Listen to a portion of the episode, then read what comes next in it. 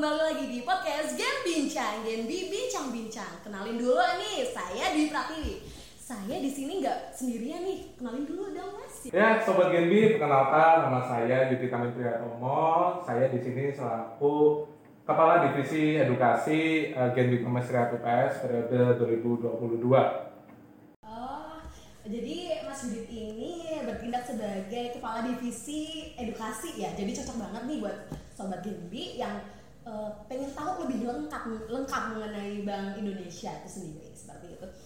By the way, apa kabar Mas Yudit? Gimana kesibukannya sekarang? Alhamdulillah sehat untuk kesibukan. Ya sekarang mungkin tinggal kuliah aja sih ya. Paling kan udah tinggal semester tua nih soalnya kan. Istilahnya kita kurang-kurangin. Skripsi. Ya fokus lah ke Fokus skripsi. skripsi. Oke. Ini mengenai Bank Indonesia nih. Sekarang kan dijalankan kan bahwa eh, banyak eh, baru kemarin mengenai uang rupiah nih, eh, pembaruan uang rupiah, gambar uang rupiah. Lalu ini kan banyak nih masyarakat yang kurang paham mengenai rupiah, gitu kan? Eh, apa sih yang dimaksud dengan cinta bangga paham rupiah, Mas? Oke baik, saya jawab ya. Jadi uh, sebelumnya perlu teman-teman ketahui bahwa uh, dari Bank Indonesia sendiri itu kan mempunyai tujuan ya. Salah satunya adalah untuk menjaga kestabilan nilai rupiah. Nah, maka dari itu uh, dibuatlah suatu kampanye, kampanye atau gerakan mengenai cinta bangga paham rupiah. Yang di sini tuh fungsinya untuk mengedukasi masyarakat bahwa rupiah yang selama ini kita kenal itu mungkin masyarakat selama ini tahunya cuma buat transaksi Iya, hanya berpindah tangan seperti itu. Nah sebetulnya itu eh, apa istilahnya banyak hak yang harus kita lakukan. Dan eh, dari rupiah itu sendiri kan juga merupakan suatu simbol kedaulatan negara Oh, seperti itu ya. Terus banyak nih mas kayak terjadi kayak mungkin masyarakat belum tahu kayak cara memperlakukan rupiah itu gimana sih mas? Kadang-kadang kan kita memperjual ah, jual beli gitu kan eh, memperlakukan rupiah uang itu dilipat lah di plus lah itu bagaimana sih mas memperlakukan rupiah itu sendiri sebenarnya? Ya oke, untuk uh, berbicara mengenai menjaga atau merawat uang rupiah itu sendiri sebenarnya ini juga merupakan kewajiban setiap warga negara karena uh, diatur juga dalam undang-undang Oh, tentang oke. mata uang yaitu pasal 25 nomor 7 tahun 2011 yang bunyi itu bahwa setiap orang itu dilarang untuk merusak, memotong, menghancurkan dan atau mengubah rupiah dengan maksud untuk merendahkan rupiah sebagai sumber sebagai simbol kedaulatan negara. Jadi eh, kalau di CBP itu ada namanya 5J. Hmm. J yang pertama itu jangan di strapless, yang Oh. kebiasaan orang itu kalau kita nemu kalau di warung gitu kan Iya, ada tuh yang di strapless gitu dikelompokin 100 ribu Iya, kayak gitu di Iya. strapless. Itu sebenarnya nggak boleh. Oh. Terus yang kedua itu ada J yang kedua itu jangan diremas. Oh tidak boleh diremas Nggak ya? boleh diremas Hmm. karena kan kalau diremas uangnya jadi lecek tuh. Oh, Oke. Nah, terus yang ketiga itu jangan dibasahin. Oh tidak boleh dibasahin. Nggak boleh dibasahin juga. Oh. Kadang kan sering tuh orang lupa apa gimana, Iya. kehujanan apa gimana sampai basah itu sebenarnya nggak Hmm. boleh. Iya betul. Dan jangan juga dicoret-coret nih. Hmm. Biasa anak kecil nih, terutama anak SD. Ya dicoret-coret ya. Nah, karena kita juga kan pernah SD. Nah, Hmm, dulu iya. juga sering tuh uang kadang buat mainan dicoret-coret. Kadang kita juga nemu kalau di beli itu ada uang. Dulu zaman SD itu ada ini Lopez siapa kayak gitu. itu kan gitu cerita ya? kecil Iya, dulu betul. istilahnya kayak gitu. Itu nggak boleh dicoret-coret dan yang terakhir itu nggak boleh dilipat. Oh Hmm, gitu ya. Berarti eh, kalau memperlakukan rupiah itu tidak boleh dilipat, dicoret ya. nggak boleh. Berarti harus eh, sudah ada yuridisnya ya. Sudah sudah ada. Lalu bagaimana sih mas cara menjaga rupiah itu sendiri? Kadang-kadang kan kita kan kurang tahu ya, kurang paham mengenai cara menjaga rupiah itu sendiri. Seperti Hmm. itu. Oke, untuk uh, berbicara mengenai cara menjaga ya, tadi kan sudah diket- uh, dijelaskan tentang 5C. Betul. Sebenarnya di samping 5C ada juga nih untuk kita uh, tahu uang palsu atau tidak, kan ada gerakan 3D. Hmm. Uh, dilihat, diraba dan ditawan. Tawan. Itu salah satu edukasi juga ke masyarakat untuk bisa membedakan uang yang uh, asli dengan uang yang palsu. Karena sebenarnya kegiatan uh, uh, gerakan tadi 5C dan 3D itu pun suatu gerakan agar kita meng, apa istilahnya memperkecil potensi peredaran uang rupiah, Oh. eh peredaran uang rupiah yang palsu maksud saya, Oh, iya. Nah, yang palsu. Jadi dengan mengedukasi masyarakat ikut menjaga istilah gitu, akhirnya kan peredaran uang palsu bisa berkurang Berkurang, atau betul. atau bahkan bisa nggak ada lah istilahnya Betul, kayak betul. gitu.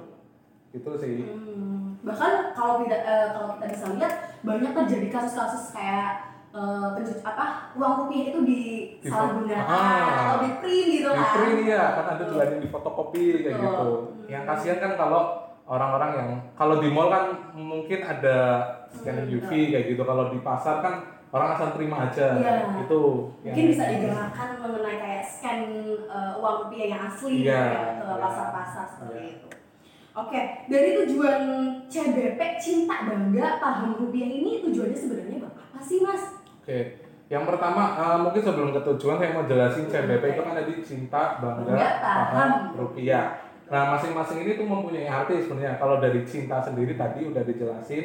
eh, implementasi dari gerakan cinta rupiah itu eh, ada mengenali. Mhm. Di situ kan ada nama pahlawan, ya kan gambar Iya. gambar pahlawan. Ada juga tarian adat Hmm. biasanya di situ. Ada beberapa identitas eh, negara yang mana akhirnya itu kan disebut sebagai salah satu simbol kedaulatan negara itu kita harus mengenali tuh Hmm. yang ada di uang rupiah itu siapa saja terus yang kedua tadi merawat dan menjaga terus eh, B itu bangga nah Hmm. implikasinya itu eh, tadi kita bangga bahwa rupiah sebagai simbol kedaulatan negara terus melakukan pembayaran Hmm. dengan alat rupiah terus juga eh, sebagai alat pemersatu bangsa terus yang terakhir itu paham kalau kita Uh, tadi sesuai tujuan Bank Indonesia adalah menjaga kestabilan nilai rupiah. Ini kan harus bertransaksi dengan rupiah, terus berbelanja seefisien mungkin, betul. tidak boros. Nah, terus yang terakhir adalah berhemat kayak gitu.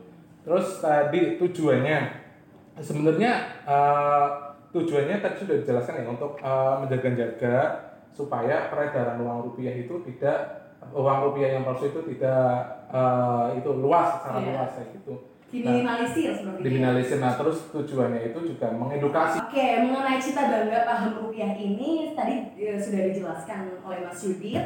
Eh, apa sih cinta, bangga, paham dan tujuannya? Lalu eh, ketika kita sudah tahu tujuannya, lalu gimana sih kalau eh, mensosialisasikan CBP itu ke mas- kepada masyarakat, Mas?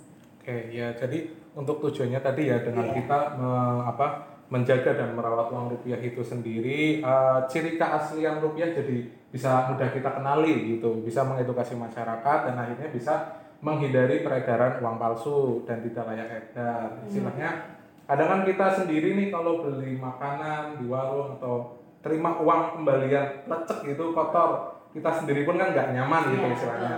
Nah, itu juga mudah untuk uh, beredarnya uang palsu kalau memang masyarakat tidak diedukasi kayak Oh, gitu. itu. Nah, itulah salah satu uh, tujuan dari adanya gerakan atau kampanye CPP ini untuk Hmm. mengedukasi masyarakat umum. seperti itu. Oh, gitu. Eh, terus kalau peran Genbi, sobat Genbi sendiri itu bagaimana sih Mas kalau mensosialisasikan mengenai CBP rupiah ini kepada masyarakat?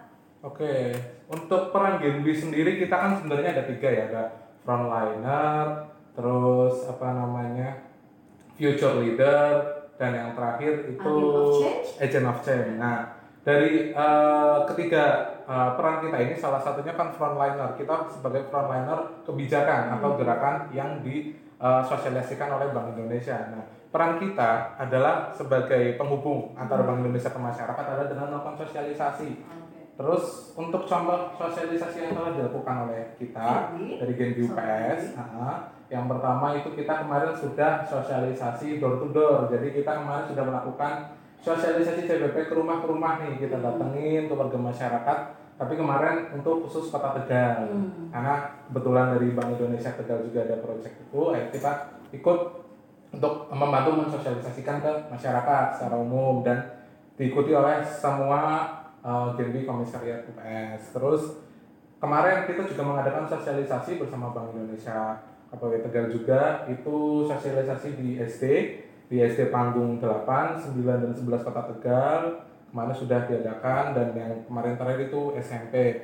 Jadi yang pertama itu peran Genbi adalah mengedukasi masyarakat Hmm. paling tidak tahu tadi uh, bagaimana cara menjaga, merawat dan selebihnya tadi uh, ada bangga, paham, berbelanja, bertransaksi dan segala macam dan tujuannya tadi untuk bisa uh, berkesinambungan dengan tujuan utama Bank Indonesia itu memelihara kestabilan nilai rupiah seperti itu.